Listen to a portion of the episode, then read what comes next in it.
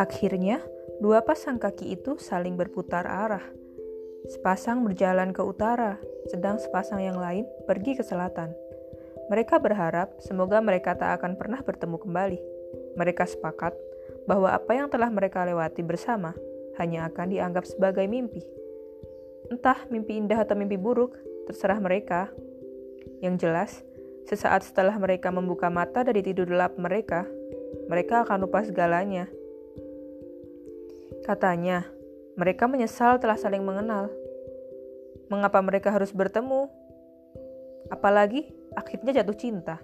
Namun, juga jatuh hingga terluka, meninggalkan luka yang menganga, hingga tak tahu harus disembuhkan dengan cara apa, atau ditambal menggunakan apa. Tapi apakah berpisah menjadi solusi terbaik? Apa mereka lupa bumi itu bulat, bukan? Meski mereka terus berjalan lurus, mungkin saja ada satu titik di mana takdir mempertemukan mereka kembali. Siapa yang tahu kapan takdir akan berbuat iseng? Dan saat itu terjadi, rekaman memori yang selama ini mereka kubur dalam diam bisa saja tiba-tiba berputar kembali. Mengingat semuanya dari awal, ketika semua masih terasa sangat indah. Ketika mereka merasa dunia milik berdua. Ketika mereka mengira selamanya akan seperti itu. Ketika mereka menduga, mana bisa mereka dipisahkan. Hingga tiba saat yang tak pernah mereka sangka. Mereka tak lagi nyaman bersama. Mereka pun berpikir, apakah benar mereka ditakdirkan bersama? Pertanyaan itu terus mengisi kekosongan yang kini makin terasa di antara mereka. Semakin lama mengubah segalanya, melahap semua perasaan yang ada. Habis, mereka bukan lagi orang yang sama. Dan salah satu dari mereka pun berkata, "Kamu berubah." Tetapi yang satu tak mau kalah dan tak mau terlihat salah. Bukan, bukan aku yang berubah, tapi kamu. Ya, akan seperti itu terus selamanya. Berlanjut hingga terdengar seperti tengah merapal mantra, tanpa sadar jika sebenarnya perubahan terjadi pada keduanya. Namanya juga manusia, manusia itu dinamis bukan? Salah siapa dulu saling berjanji untuk tidak akan pernah berubah? Lagi pula, apakah nyaman menjalani hubungan sekaku itu? Katanya, benci dengan perubahan. Tapi apa dalam suatu ikatan? Hidup akan berwarna jika rutinitas yang ada hanya itu-itu saja. Bahkan dunia dan isinya saja berubah. Kadang cepat, kadang perlahan-lahan. Ya, tergantunglah dengan situasi dan kondisi yang ada. Yang jelas, adaptasi itu kan normal dan itu perubahan juga. Lantas apa susahnya saling menerima dan memaafkan? Jika ego memang tak mau mengalah, ya buat apa bertahan? Berpisah memang tampak sebagai solusi yang paling mudah dan benar. Namun, pertanyaan yang belum terjawab adalah, jika dua orang sama-sama berubah, sebenarnya siapa yang salah?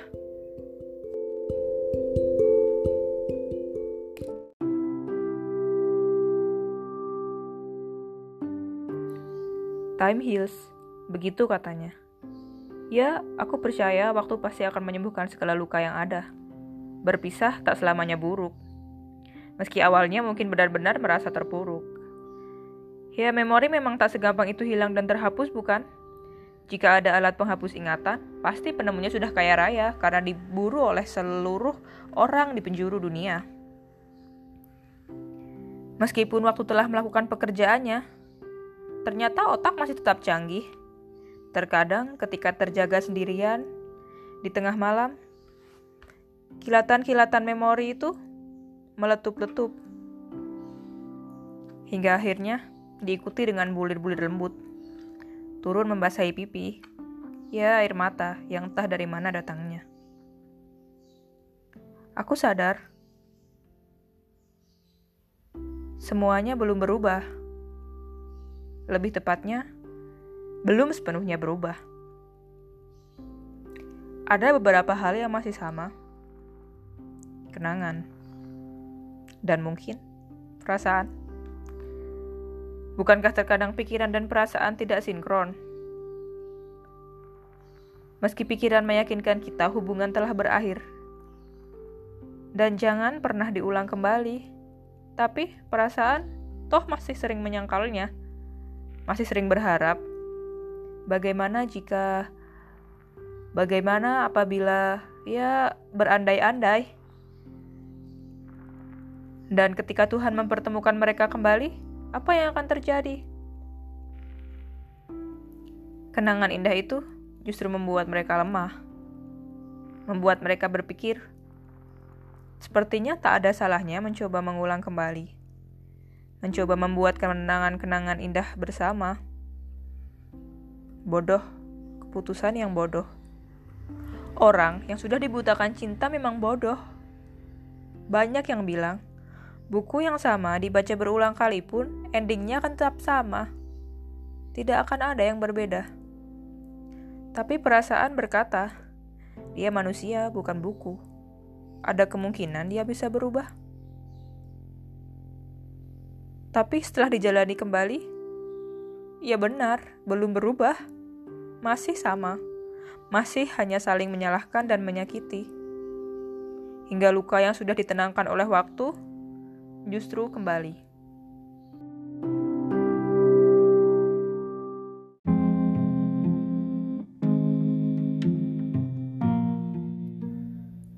Pernah terpikir menjadi seorang Cinderella? Aku sangat mengagumi cerita-cerita para putri di dalam film-film Disney yang berakhir indah setelah berhasil melalui masalah mereka. Bertemu dan bersatu dengan pangeran impian yang terlihat sempurna. Dan ternyata dongeng seperti itu benar ada di kehidupan nyata. Atau katakan saja mirip. Ya, dan menurutku itu terjadi padaku. Aku yang biasa saja ditemukan oleh seseorang yang luar biasa. Awalnya sih kupikir begitu.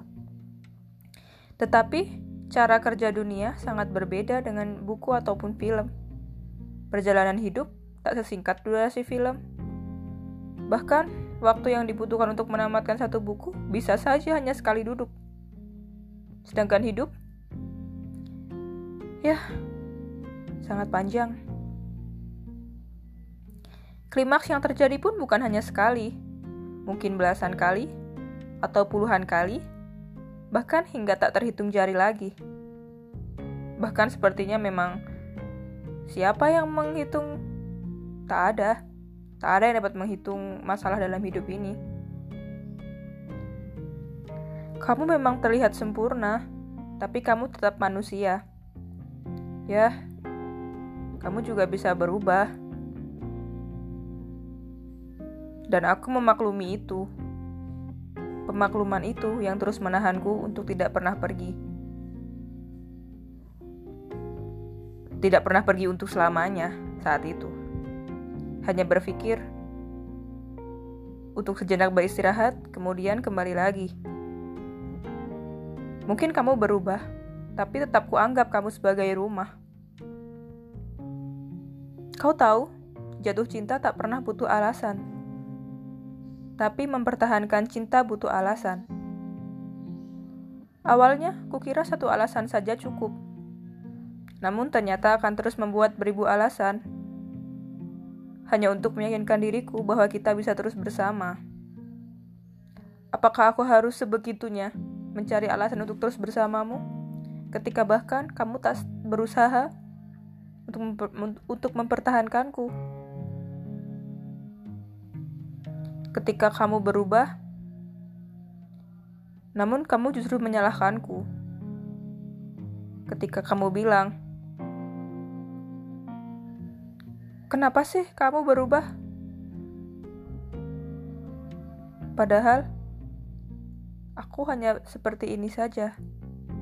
Justru kamu yang tiba-tiba marah. Ketika aku sibuk mencari alasan untuk tetap bersamamu, untuk tetap memaklumimu, kamu justru sibuk mencari alasan untuk memarahiku, untuk menendangku dari hidupmu. Hingga akhirnya aku seperti pengemis. hanya berharap dan memohon agar kamu tak lagi marah-marah. Kini ketika aku tersadar, dan akhirnya mungkin kita tak akan pernah lagi bisa bersatu. Setelah perubahan dan pemakluman yang aku, selalu aku ulang-ulang terus. Tetap ingatlah aku sebagai wanita yang pernah berjuang untukmu. Karena meskipun kau bilang bahwa semua yang telah kita lewati harus kita lupakan dan kita harus mulai dari nol lagi. Aku tidak yakin kamu bisa melupakanku. Dan aku juga akan mengingatmu seperti itu.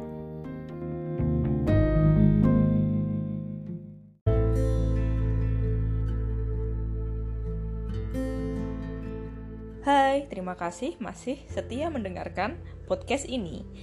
Nah, di sini mungkin kalian bertanya-tanya, kenapa sih dari tadi ngomong hal gak jelas itu sok puitis banget atau apalah. Nah, sekarang aku mau kasih tahu korelasi antara narasi yang udah kalian dengerin tadi sama pengalamanku sendiri cerita tentang hubungan toksik yang aku jalani selama lima tahun ini.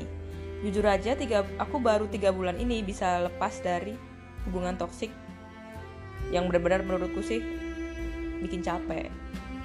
Nah, aku share ceritaku biar buat kalian yang ngerasain hal yang sama kayak aku bisa secepat mungkin sadar itu tuh sebenarnya toksik atau bukan karena sebenarnya emang susah buat sadar kalau kita itu di suatu hubungan toksik bahkan ketika teman-temanku aja ngasih tahu nah itu udah toksik tuh hubungan kamu udahlah stop jangan bikin sakit diri sendiri gitu aku masih terus nyangkal masih terus cari alasan buat ngedefense aku dan dia gitu. Nah, di sini bagi kalian yang sadar kalian ternyata juga toxic, mending stop deh. Karena jangan sampai kalian nyesel kayak aku. Bayangin aja lima tahun aku berjuang, bertahan, ngehadapin ngehadapin orang yang kayak gitu. Lima tahun itu bukan waktu yang singkat dan sebenarnya lima uh, durasi itu juga kadang yang bikin aku terjebak dalam siklus yang gak pernah berhenti itu. Sekarang aku mau cerita dari awal. Jadi aku pertama ketemu dia itu 2015 masih SMA ya. Suatu event kalau nggak salah yang bikin aku ketemu dia secara langsung, I mean face to face gitu. Nggak kayak bener-bener singkat banget sebenarnya tapi akhirnya dia ngechat ngechat gitu kan ngegombal. Ya namanya juga anak muda ya masih SMA PDKT kan yang ngasih ini ngasih itu. Awalnya gimana ya kayak mikir juga apa sih ini orang baru juga kenal kok udah kayak gini? Dan tapi lama kelamaan karena ngerasa diperjuangin dipeduliin kayak ngerasa wah ada yang mau dengerin cerita ceritaku dan lain sebagainya ya akhirnya aku suka juga. Butuh cukup lama sih berapa bulan gitu baru akhirnya aku beneran sama dia. Tahun pertama itu sebenarnya mulus-mulus aja cuman sebenarnya aku udah ngerasa sih kalau dia itu orangnya lumayan posesif dan cemburuan. Jadi kayak kadang dia kalau lihat aku ada sama temen gitu temen yang cowok gitu pasti ya dia nanya ngapain sih deket-deket? Kayak gitu. Cuman aku selalu jelasin kayak oh dia kan temen lomba aku misalnya atau misalnya oh aku ada project bareng dia. Lagi pula kalau aku nggak suka kan orang yang nggak setia atau yang selingkuh atau ya semacam itu. Jadi aku juga sebisa mungkin gak akan ngelakuin hal yang aku benci. Jadi ketika aku ketemu sama temen cowokku pun aku bakal selalu ngajak orang lain karena emang buat ngehindarin fitnah aja gitu. Nah di sini tiap ada kesalahpahaman ya masih bisa dikelarin baik-baik gitu di tahun pertama cuman begitu masuk tahun kedua nih kan kuliah ya dan akhirnya kita LDR tuh Aku nggak tahu kenapa dia kayak makin sering aja cari alasan buat berantem sama aku. Entah bilangnya kamu sibuk nggak pernah peduli lagi. Kamu di sana udah sama cowok lain ya makanya jarang ngechat. Pokoknya dia selalu suuzon gitu loh, selalu negatif thinking tentang aku. Padahal ya aku nugas, aku ospek, bahkan aku masih harus adaptasi sama kehidupan kuliahku. Dan aku nggak sukanya dia itu selalu nuduh tapi sebenarnya aku tahu dia juga ngechat cewek lain sedangkan kalau aku tuh bener-bener ya kalau nggak ada yang penting aku gak akan bales cuman kayak ya udah aku juga bukan tipe orang yang akan apa ya yang akan ngajak dia berantem. Apalagi berantemnya tuh kayak via chat atau via telepon tuh rawan buat ada kesalahpahaman kan. Kayak misal kita nulis apa nadanya biasa aja. Eh dia seringnya ngiranya aku marah atau gimana lah. Dia selalu pokoknya dia sering banget seuzon sama aku. Dan intinya kayak kadang aku sedih juga kayak aku merasa aku salah banyak apa gimana sih gitu. dan di tahun pertama itu karena aku juga stres bener-bener susah banget adaptasi di kuliah buat aku. Nah akhirnya aku kan juga karena dia itu pasangan aku ya aku cerita kayak aku bilang susah ya ternyata cari teman di kuliah tuh yang cocok juga nggak segampang itu. Kadang aku bilang tugas kok banyak banget ya. I mean sambat atau mengeluh itu hal yang wajar kan tapi dia tuh selalu bilang ya udah sih kamu tuh jangan lemah lah ini. Pokoknya aku bahkan nggak merasa disupport gitu loh. Bahkan ketika aku cerita aja tuh kayak aku mikir dulu berkali-kali apakah aku harus cerita atau enggak dan ketika aku sudah akhirnya memutuskan untuk cerita justru responnya itu kayak bikin aku down gitu loh. Tapi kalau aku nggak cerita dia selalu nyalahin aku bilang kamu udah cerita ke cowok lain ya makanya nggak pernah ngechat aku dan lain-lain. Jadi aku selalu ada di posisi yang serba salah sampai akhirnya aku minta break karena ya capek gitu. Nah ternyata selama break itu dia itu ngechat sampai sayang-sayangan sama cewek lain. Dan setelah aku cari tahu ternyata bahkan sebelum kita break dia itu udah ngechat sama cewek itu. Jadi benar-benar ketika aku mengeluh atau apa gitu dia kan selalu bilang ya udah sih aku uh, intinya ya udah sih. Aku kan juga nggak tahu kuliahmu gimana dan lain-lain. Nah ternyata itu dia posisi udah curhat udah curhat uh, udah cerita. Maksudnya udah deket sama cewek lain lah udah sering curhat udah sering cerita cerita gitu.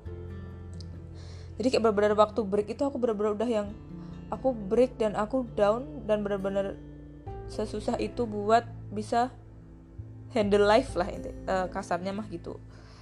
Terus habis itu akhirnya ya udahlah Ad, uh, itu kan berarti tahun kedua ya dan kayak setelah aku pikir-pikir dia itu datang lagi tiba-tiba bilang ah ternyata si ini nggak sebaik kamu intinya kayak gitu. Ah si ini ya pokoknya dia ngebandingin si cewek yang pernah sayang-sayangan sama dia itu sama aku. Terus kayak aku bilang kan lah ngapain kamu balik? Kan kamu udah sama dia intinya kayak gitu.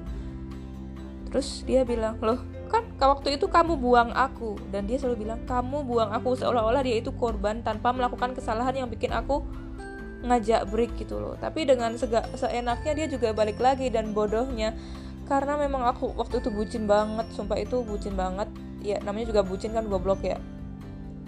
Ya akhirnya aku mikir ah em uh, sayang dah udah dua tahun nih masa aku harus ngulang sama orang lain lagi toh sampai sekarang juga aku belum ada suka sama orang lain gitu.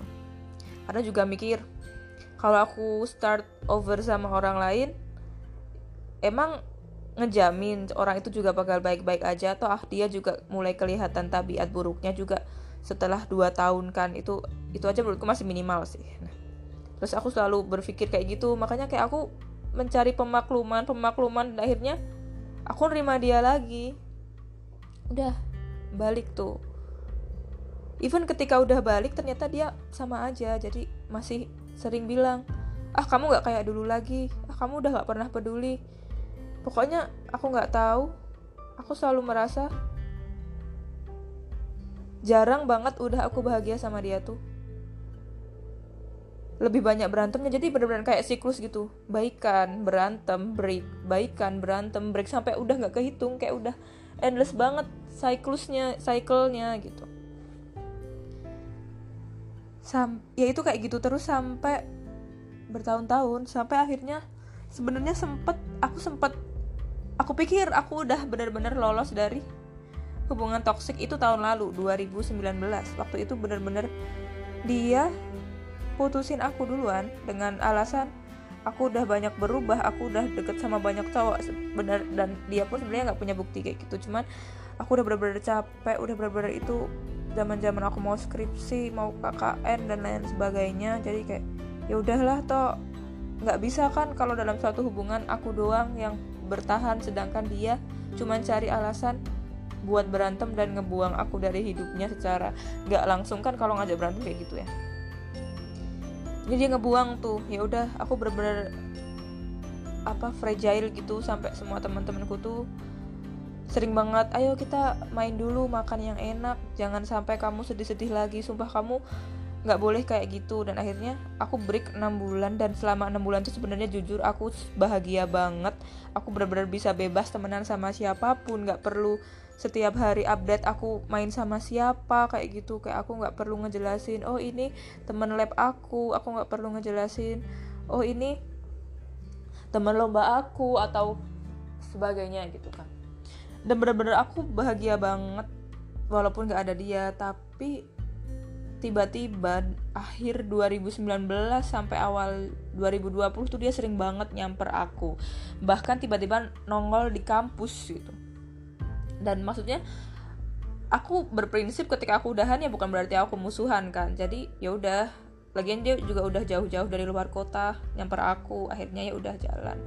Dan dia cerita sesuatu hal dan sebenarnya sebenarnya selama ini aku bertahan sama dia juga karena ada suatu hal lain yang bikin aku mikir oh dia temperamen kayak gitu karena suatu hal. Tapi mungkin akan aku bahas di episode yang lain aja ya. Nah di sini terus akhirnya aku balikan tuh sekitar awal tahun apa ya awal tahun iya dan bahkan dia wisuda pun masih datang masih ketemu bapak sama ibu gitu kan. Tapi ternyata dia masih ngechatin cewek-cewek dia masih ngechatin cewek-cewek dan parahnya nih aku bener-bener udah aku nggak bisa terus-terusan kayak gini kan. Capek gitu loh. Sebenarnya aku menghargain kalau dia chat sama cewek. Sebenarnya dia emang ngasih tahu aku kadang ngasih ss chatnya. Tapi kayak ya aku udah sedih aku usia aku juga makin bertambah dan aku nyari yang serius. Dan aku nggak mungkin sama cowok yang kayak gitu. Emang kalau udah nikah dia bakal gitu terus kita juga nggak tahu kan. Lagian karakter juga nggak gampang diubah dan aku udah capek bikin pemakluman pemakluman atau alasan yang membuat aku harus bertahan sama dia. Dan setelah dipikir-pikir pun ya walaupun dia ngasih screenshotan chat dia sama cewek lain kan kita juga nggak tahu ya yang dia uh, kasihin ke kita itu fullnya atau cuman dipotong-potong bagian ceweknya doang yang ngegombal padahal sebenarnya dia juga ngegombal balik dan lain sebagainya. Dan yaudah aku berhenti.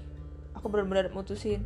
Udah nggak bisa lagi udah nggak bisa lagi sumpah. Terus kayak udah stop cukup stop. Setelah aku merenung aku benar-benar introspeksi selama ini aku udah benar-benar wasting timeku. Aku udah benar-benar maklumin dia cari alasan buat bertahan sama dia itu benar-benar udah menurutku itu udah effort banget dan nggak sebanding sama apa yang udah dia lakuin ke aku. Walaupun sebenarnya selama ini dia selalu beranggapan dia yang selalu ngasih lebih ke aku sedangkan aku nggak pernah ngasih ke dia. Bukan suatu give and take dan dia berpikir dia selalu give give give give and never take gitu. Jadi intinya adalah di episode ini aku mau uh, tekankan ke kalian yang ngerasa kalian ada di suatu siklus yang gitu-gitu aja yang cuman berantem break baikan berantem lagi break baikan. Terus kalian uh, setiap sedih kalian merasa ah aku bener kata dia aku emang salah aku emang ini. Dan seolah-olah kamu menjadi penjahat sedangkan dia itu korban. Dan kamu malah akhirnya tidak sayang sama dirimu sendiri. Please stop itu toxic itu toxic dan kamu harus sadari itu. Kamu nggak bisa terus-terusan menjadi orang yang terus mengalah. Ya nggak ada salahnya mengalah tapi hidup nggak akan selalu seperti itu kan? Jadi berubah dan pemakluman itu adalah dua hal yang bikin suatu hubungan toksik itu subur itu aja pesanku di episode kali ini. Terima kasih sudah mendengarkan and I wish you all the best. Thank you for listening.